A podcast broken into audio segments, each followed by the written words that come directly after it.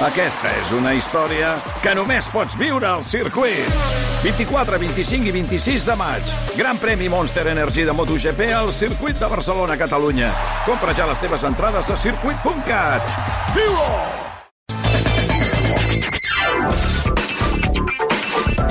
Cellers Maset t'ofereix la tertúlia esportiva.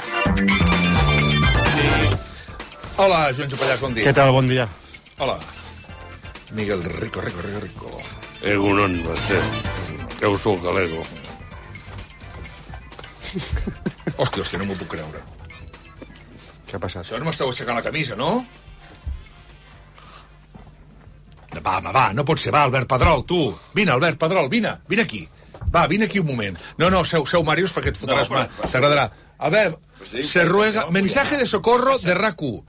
Hay un panocha dando vueltas eh, por la casa y, y ara acaba d'entrar aquí. Hola, Petirrojo. Hola, què tal? Què tal? Em pots explicar això que acabes d'explicar-me, que jo no m'ho crec? Doncs sí, que el comitè d'àrbitres de la Federació Espanyola acaba de fer públics, uh, públiques les designacions arbitrals quina? per les eliminacions de la Copa del Rei. Doncs bé, Hernández Hernández serà l'àrbitre de bar del partit de dijous entre l'Atlètic de Madrid i el Sevilla. Per tant, lluny, el comitè de castigar Hernández Hernández el premia Home, sent el bar lògic, de l'últim partit de com no l'ha de premiar? Com no l'ha de premiar? Per favor, per favor. Però si ho va fer, va fer una cosa extraordinària. Va fer una cosa extraordinària. Ara ens va prendre el pèl a tots. Li va ensenyar amb aquell pobre home aquí. L'àrbitre, un pobre home, eh? Pobre home, pobre home se les va menjar totes. I en un, en un moment donat li amaga la imatge en què es veu que fa el gol amb el, amb el, amb el colze, li amaga. Escolta, això, perdona, perdona, perdona. Jo crec que això li han de donar, no sé, la medalla de, de, de, les, vell, de, sí, de les velles arts. Sí. Perdona un moment, Hernández Hernández Sí. repeteix per tant el bar. Repeteix, per tant, el bar, sí. Un Hernández el porten al bar i l'altre el porten al, a la cafeteria. Són dos. O sigui, Hernández Hernández, el que va fer ahir De bar. en el partit Real Perpetrar, Madrid-Almeria, el que va perpetrar. el que va perpetrar ahir... Això, això vol dir que el comitè tècnico d'àrbits està encantat de la vida amb l'actuació d'ahir. Exacte. Considera que va fer bé la seva feina. Sí, Sí, això, no? sí, això és veritat. No, no, va, la va seguir la- la va clavar. Va seguir instruccions. La va clavar. Va seguir instruccions. Bueno, aviam, moment. Hi ha les clavegueres de l'Estat i hi ha les clavegueres de l'esport. Que en un moment donat conflueixen, eh? També t'ho dic. També t'ho dic. Ja. Hola, Segurola, bon dia. Jo no me'n vaig perquè... Sí, sí, no, treballar. Només No, jo crec que... Jo crec que no, Sí. No, Hola, hola, Segurola, bon dia. Buen día otra vez. Bon dia otra vez, perdona, eh? Santi, aviam. Ahir el Santi Segurola em va enviar uns missatges i li agraeixo molt aquests missatges perquè em va... vaig quedar... vaig quedar garrativat amb el que em va enviar el, el, el, el Santi Segurola. El Santi Segurola, ahir, diu... Por increíble... Puedo leerlo, ¿eh, Santi? ¿Me das permiso, eh? No, yo creo que con que... Que tú, que tú me lo desumas, resúmamelo, resúmamelo, lo que me decías. A mí, yo estoy muy mm, alterado, preocupado por la influencia, el papel inquisitorial, papel de fanatismo que establece Real Madrid Televisión con eh, respecto a la mirada que, según ellos, tiene el, el fútbol, los árbitros, el sistema, por decirlo de alguna manera, con respecto al Real Madrid.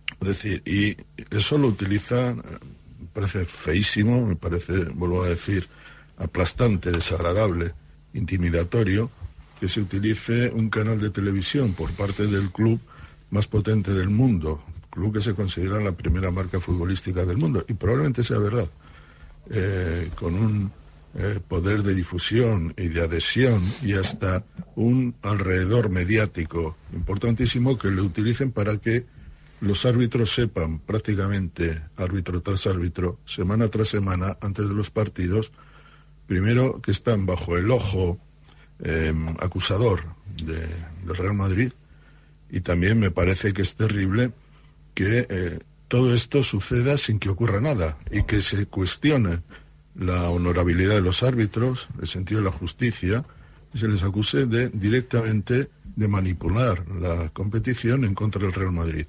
Esto crea un sistema de, arbitraje horrible. Hace poco, este mismo árbitro del que habláis, Hernández Hernández, dijo que eh, le preguntaron el partidazo de la COPE si no se sentía eh, atacado, o vulnerado en sus actuaciones por eh, Real Madrid Televisión y lo que decían de él, que era terrible.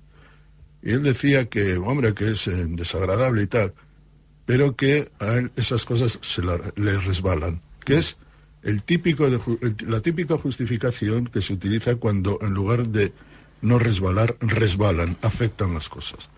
Y yo creo que cuando mm, una gran parte de los árbitros se sienten atemorizados y se sienten atacados y sienten que mm, eh, son vistos por un club de la importancia del Real Madrid de esta manera ante los aficionados del Real Madrid y ante los medios de comunicación, me parece que hay algo perverso, lo digo con todas las de la ley. Me parece que es eh, francamente feo, francamente desagradable y, en mi opinión, estamos expuestas a que ocurran cosas como las de ayer, que hay que ponerla en el contexto. ¿eh? Ayer se pensaba que Real Madrid-Almería era el partido más fácil del año para arbitrar. El Real Madrid primero sin perder un partido, solo contra el Atlético de Madrid, perdón. Y el otro, el Almería, el último, recién ascendido, que curiosamente, precisamente no había ganado un solo partido. Una distancia de casi 50 puntos entre los dos, jugando en el Bernabéu. Le dan el arbitraje a un señor que no había arbitrado nunca en, en el Bernabéu. Y en el bar está Hernández Hernández, un señor de 51 años que ya tiene eso que en el fútbol se llama el culo pelado de, de arbitrar, pero que está cuestionadísimo por, eh, por el Real Madrid. ¿Y qué es lo que ocurre? Ocurre todo lo, que, todo lo peor que puede ocurrir en el fútbol. Primero el bar, que es un desastre. Y no voy a entrar más en ello porque ya sabéis cuál es mi opinión. Segundo, que el bar va añadiendo más tragedia al bar. Ahora es eh, esas comunicaciones que tienen entre ellos, donde hablan como si fueran astronautas. Behind, loop, eh, ¿qué más dicen? Eh, slow motion y tal. Entonces, eh, pero claro, ¿quién está diciendo eso? Este es un señor al que en Real Madrid Televisión se, les, se escarbó su historia hasta el siglo pasado, hasta el año 1994, donde en La Voz de Lanzarote, un periódico muy honorable, pero de tirada muy corta, supongo yo, para la isla de Lanzarote, estamos hablando del 11 de junio de 1994, 94, justo cuando comenzaba el Mundial del 94 con Clemente de seleccionador, pues le concede una entrevista a la voz de Lanzarote y le hacen un cuestionario y le preguntan, bueno, ¿y cuál- cuáles son sus jugadores favoritos? Bueno, pues no sé, bueno, diría que Romario y Laudrup, y no sé.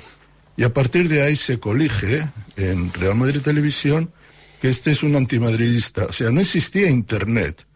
Y ya están buscando en periódicos locales, en archivos que serán dificilísimos de encontrar, creo que solo para la CIA o para la KGB, que se, busque a ver qué decía este señor que tenía entonces 20 o 21 años. Y lo que ocurre es que estamos en un sistema en el fútbol donde todo conspira contra, contra el fútbol. Y lo que ocurrió ayer fue la tormenta perfecta. Uno nuevo, uno atemorizado, o uno, eh, yo creo que intimidado, sinceramente, no por lo que va a ocurrir ayer, sino por esa sensación de presión que tiene en un partido que estaba fácil de arbitrar y que se convierte en muy difícil de arbitrar porque el Madrid pierde en el Bernabéu 2-0 contra el último. Y este yo creo que es un contexto terrible. Y ahí es donde están esos audios o lo que sea, que se pueden encontrar, los puede encontrar cualquiera. Per cert, 11 i 11, última hora, Carlos Alcaraz i és als quarts de final de l'Open d'Austràlia, ha guanyat en 3 sets el serbi Kepmanovic i ara s'enfrontarà Alexander Zverev als quarts de final, eh, precisament. Val, Joanjo, què? No, és, eh, estic molt d'acord amb tot el que ha explicat eh, Santi Segurola eh, amb aquest fil quasi historiogràfic de, eh, del que ha anat passant els últims anys i com desemboca amb el partit d'ahir, que jo crec que també és un dels escàndols arbitrals eh, que més es recordaran a la història del futbol espanyol, en particular també per la diferència entre els dos equips, no? Eh, Un que no ha guanyat mai cap partit eh, amb tota la lliga, que és l'Almeria, que és el dèbil, i el, i el conjunt i el club més poderós del, del país que jo no vull parlar de, de tesis conspiranoides ni coses així, però és, és tan obvi que a través del seu d'un dels seus braços eh, eh, que, que exerceixen de portaveu, com és el Radio- Real Madrid Televisió, ha eh, condicionat, eh, sugestionat eh, tota l'atmosfera que es crea al voltant dels arbitratges que mm, el que va passar ahir era una cosa inevitable. Hernández Hernández, que és l'àrbitre que està al bar, és un dels àrbitres que més ha sigut criticat d'una manera eh, eh, bueno, eh, absolutament eh, inconcebible des del punt de vista de que estem parlant d'un club que pertany a la Lliga, per tant no és una entitat eh, un canal de televisió eh, autònom en aquest sentit. La seva opinió és la mateixa que mm, autoritza el seu president, que ja sabem el poder que té. Doncs el que passa ahir és que Hernández Hernández, eh, que per cert, per qui no ho recordi, és tan eh, proculer que va anul·lar aquell gol que el Barça va fer al Villamarín, que va entrar un, metre dins de la porteria i no el va, i no el va concedir, sí. Eh, què passa? Que a, a, a través precisament d'aquesta eina que havia de servir per eh, fer més transparent el bar eh, es descobreix el, el que fa Hernández Hernández, que és rearbitrar el partit fent de realitzador de televisió, Correcte. omi, I omitint ara, les, eh, les imatges que podien ajudar l'àrbitre i eh, orientant-lo cap a la decisió que ell volia. És en, en el seu vocabulari, amb les paraules que utilitza, els missatges que li envia i les... I, missatge i imatge. Llavors aquell àrbitre, que és veritat que no havia entra, eh, dirigit mai el, o fet, d'àrbitre al Bernabéu, a, a, el venen. Sí, sí, està absolutament venut. Absolutament, absolutament. I, I jo crec que hi ha una jugada que és mm, còmica, eh, per riure, per no plorar, diguem, que és la de Vinícius. Uh, quan l'àrbitre va eh, cap al bar, cap al monitor, perquè Hernández Hernández li expliqui la jugada, Hernández Hernández ja, ja té tot el discurs muntat eh, i li capa la imatge on es veu que això és una zamorana.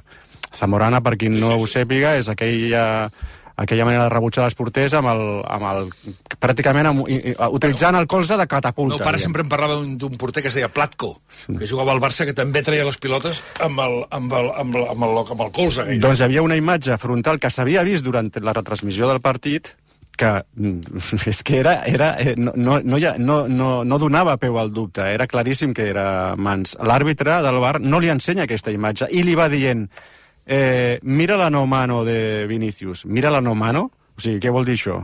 O sigui, a part dels anglicismes aquests que, que també eh, diguem que fan més còmica la, la conversa, eh, i així les tres jugades. Les tres jugades eh, a l'àrbitre del bar li està dient el que ha d'arbitrar. I hem de recordar que el bar és un complement per l'actuació de l'àrbitre, no al revés. I el que passa ahir és que el bar mana en el partit. Mana i decideix.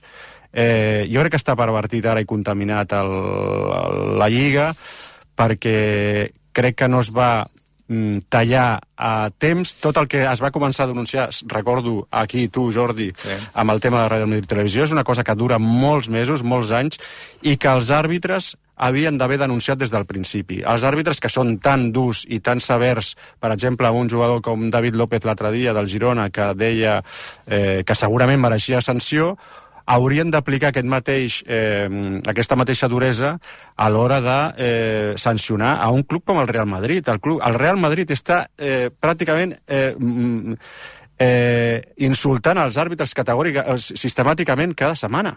Doncs eh, com a club oficial de la Lliga, els àrbitres haurien d'haver eh, sancionat aquest club.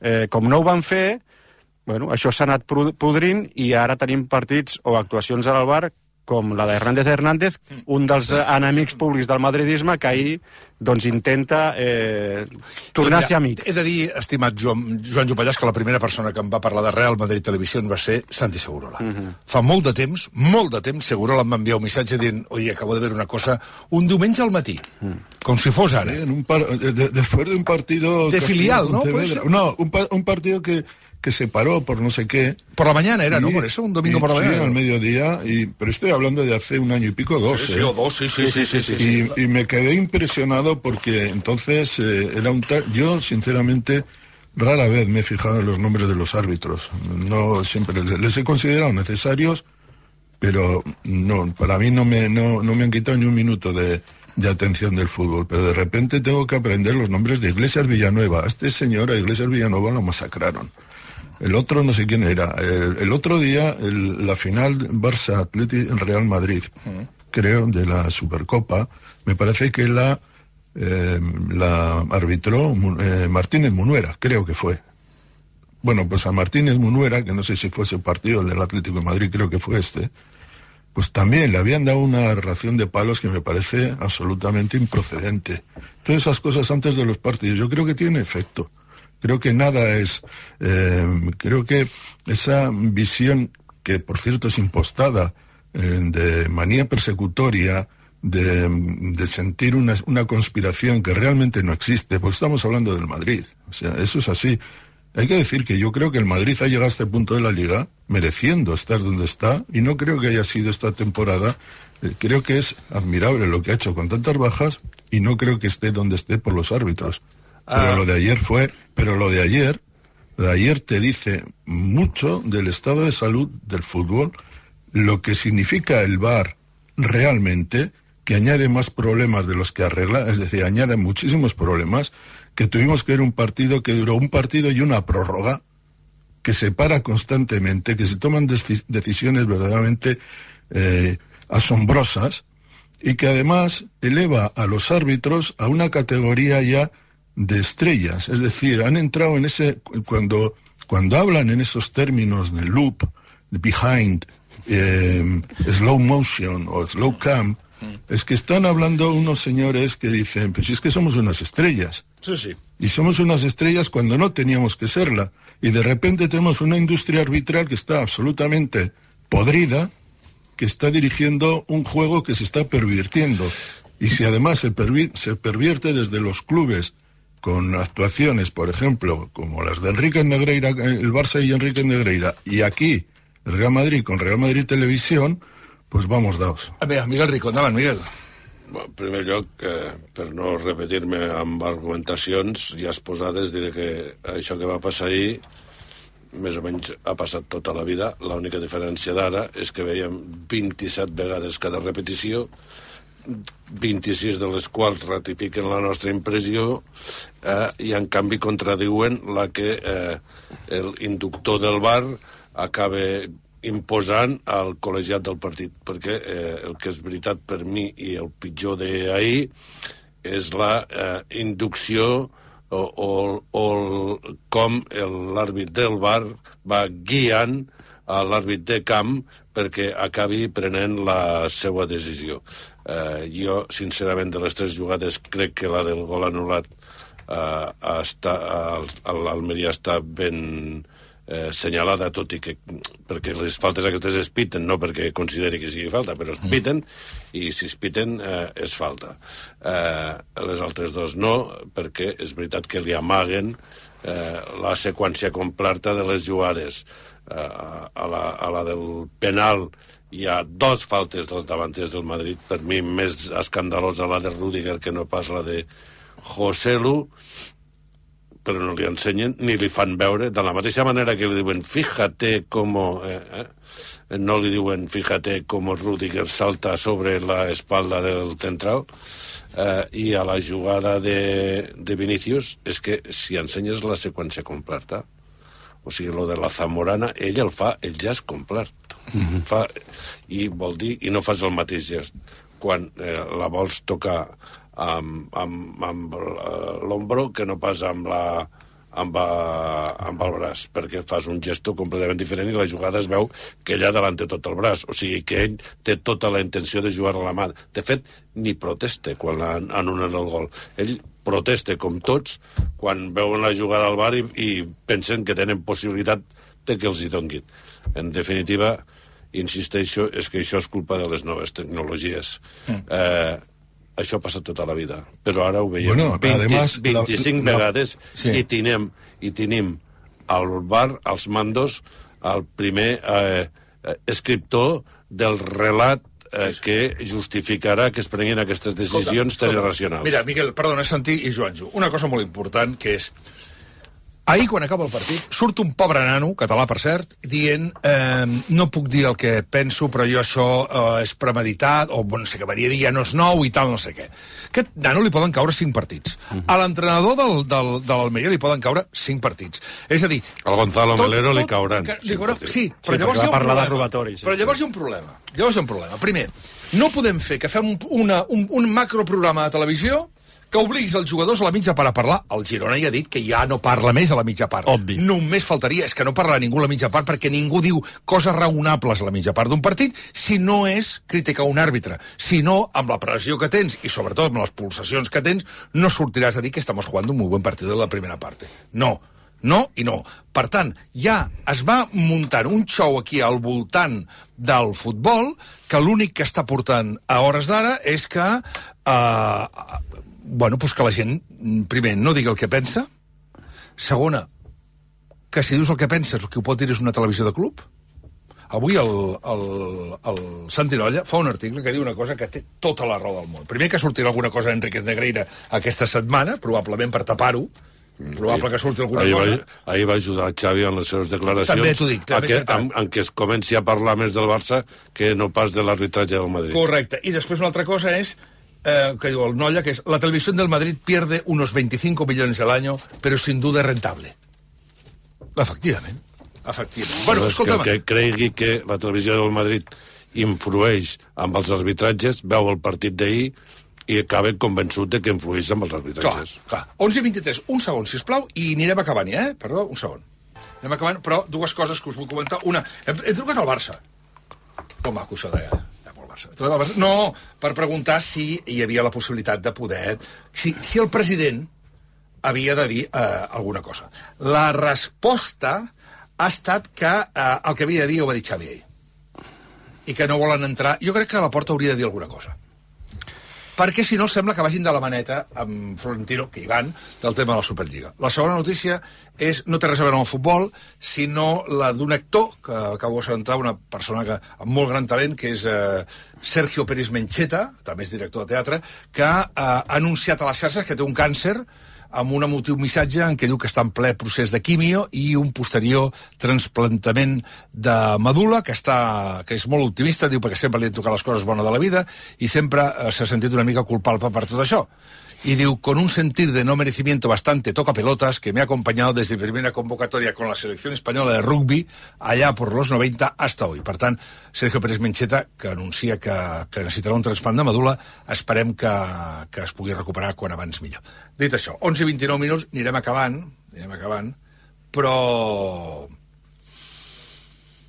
Bueno, tot continua igual. El Girona està com una moto, el Girona està com una moto, el Com Barça treu un resultat... de competició. Sí, sí, el, el Barça ahir treu un resultat magnífic, Uh, jo crec que amb el Betis té un avantatge, que els dos millors partits del Barça han sigut contra el Betis. Sí, bueno, i, I té un mèrit addicional que al camp del Betis no havia guanyat ningú. No havia guanyat ningú, sí, sí, perdona. Ai, el- I deixa'm dir una cosa. Mm. Eh, en Coversí, que avui fa 17 anys, amb una cara de nen que no es pot aguantar, i amb Yamal, que també en té 16, o sigui, amb la... I que va fer un partidàs A extraordinari. mi sí, em, sí. el Barça em va agradar, jo crec que no és fàcil guanyar 2 a 4 camp del Betis, i és veritat que va haver una desconnexió, però aviam, al final a la foto dels partits sempre ha de ser general, i a mi em sembla que el Barça hi va fer un bon partit, i crec que Xavi està prenent decisions diferents que, que marquen un canvi de tendència. I quan dic eh, decisions, eh, parlo de certa valentia, amb, per exemple, anar canviant a Lewandowski en els últims partits quan, quan veu que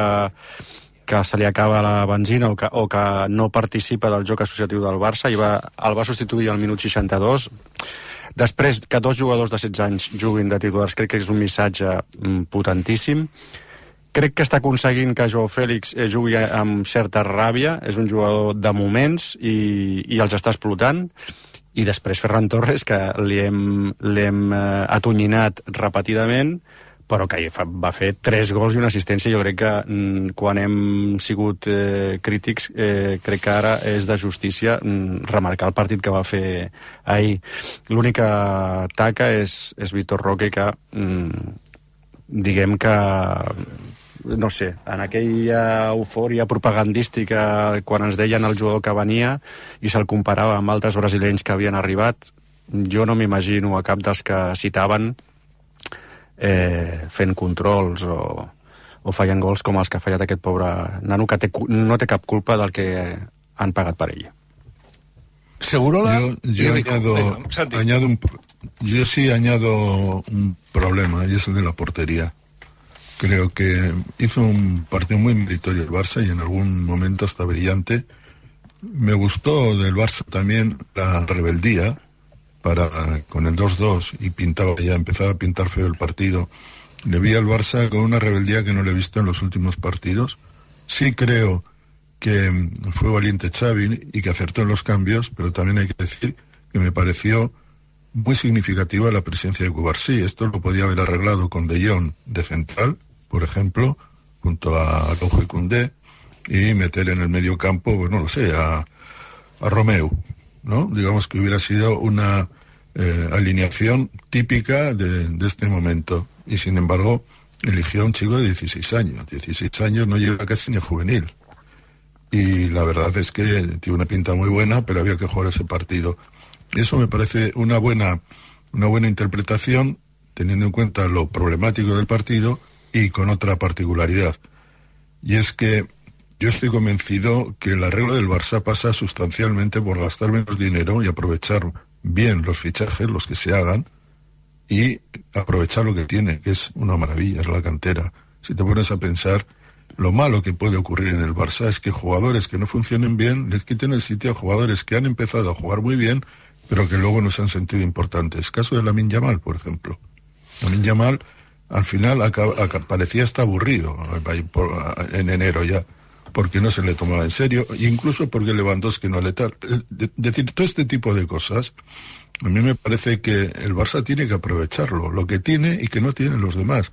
Ya sé que con esto quizá no se ganan Copas de Europa, pero se gana el futuro y se gasta menos dinero. Uh, Rico, Des per de, acabar. sí.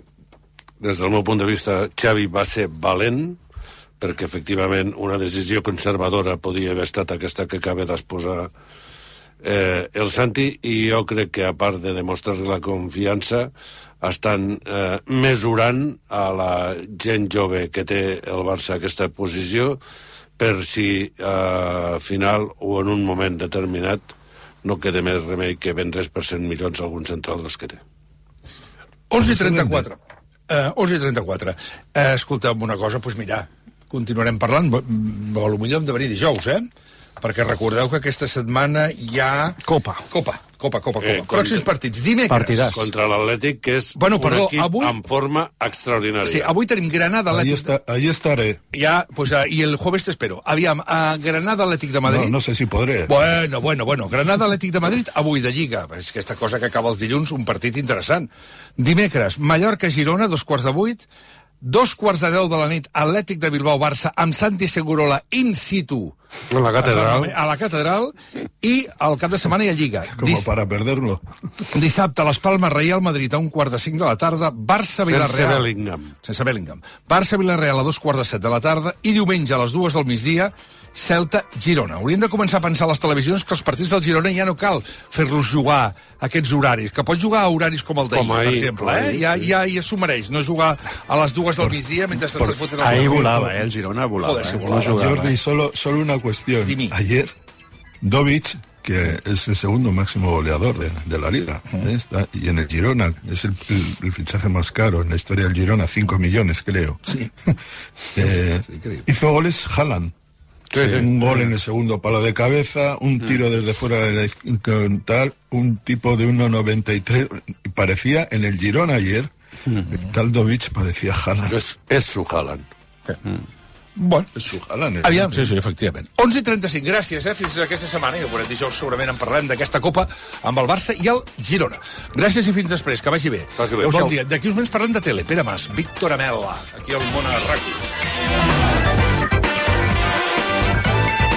Món a RAC1 amb Jordi Basté.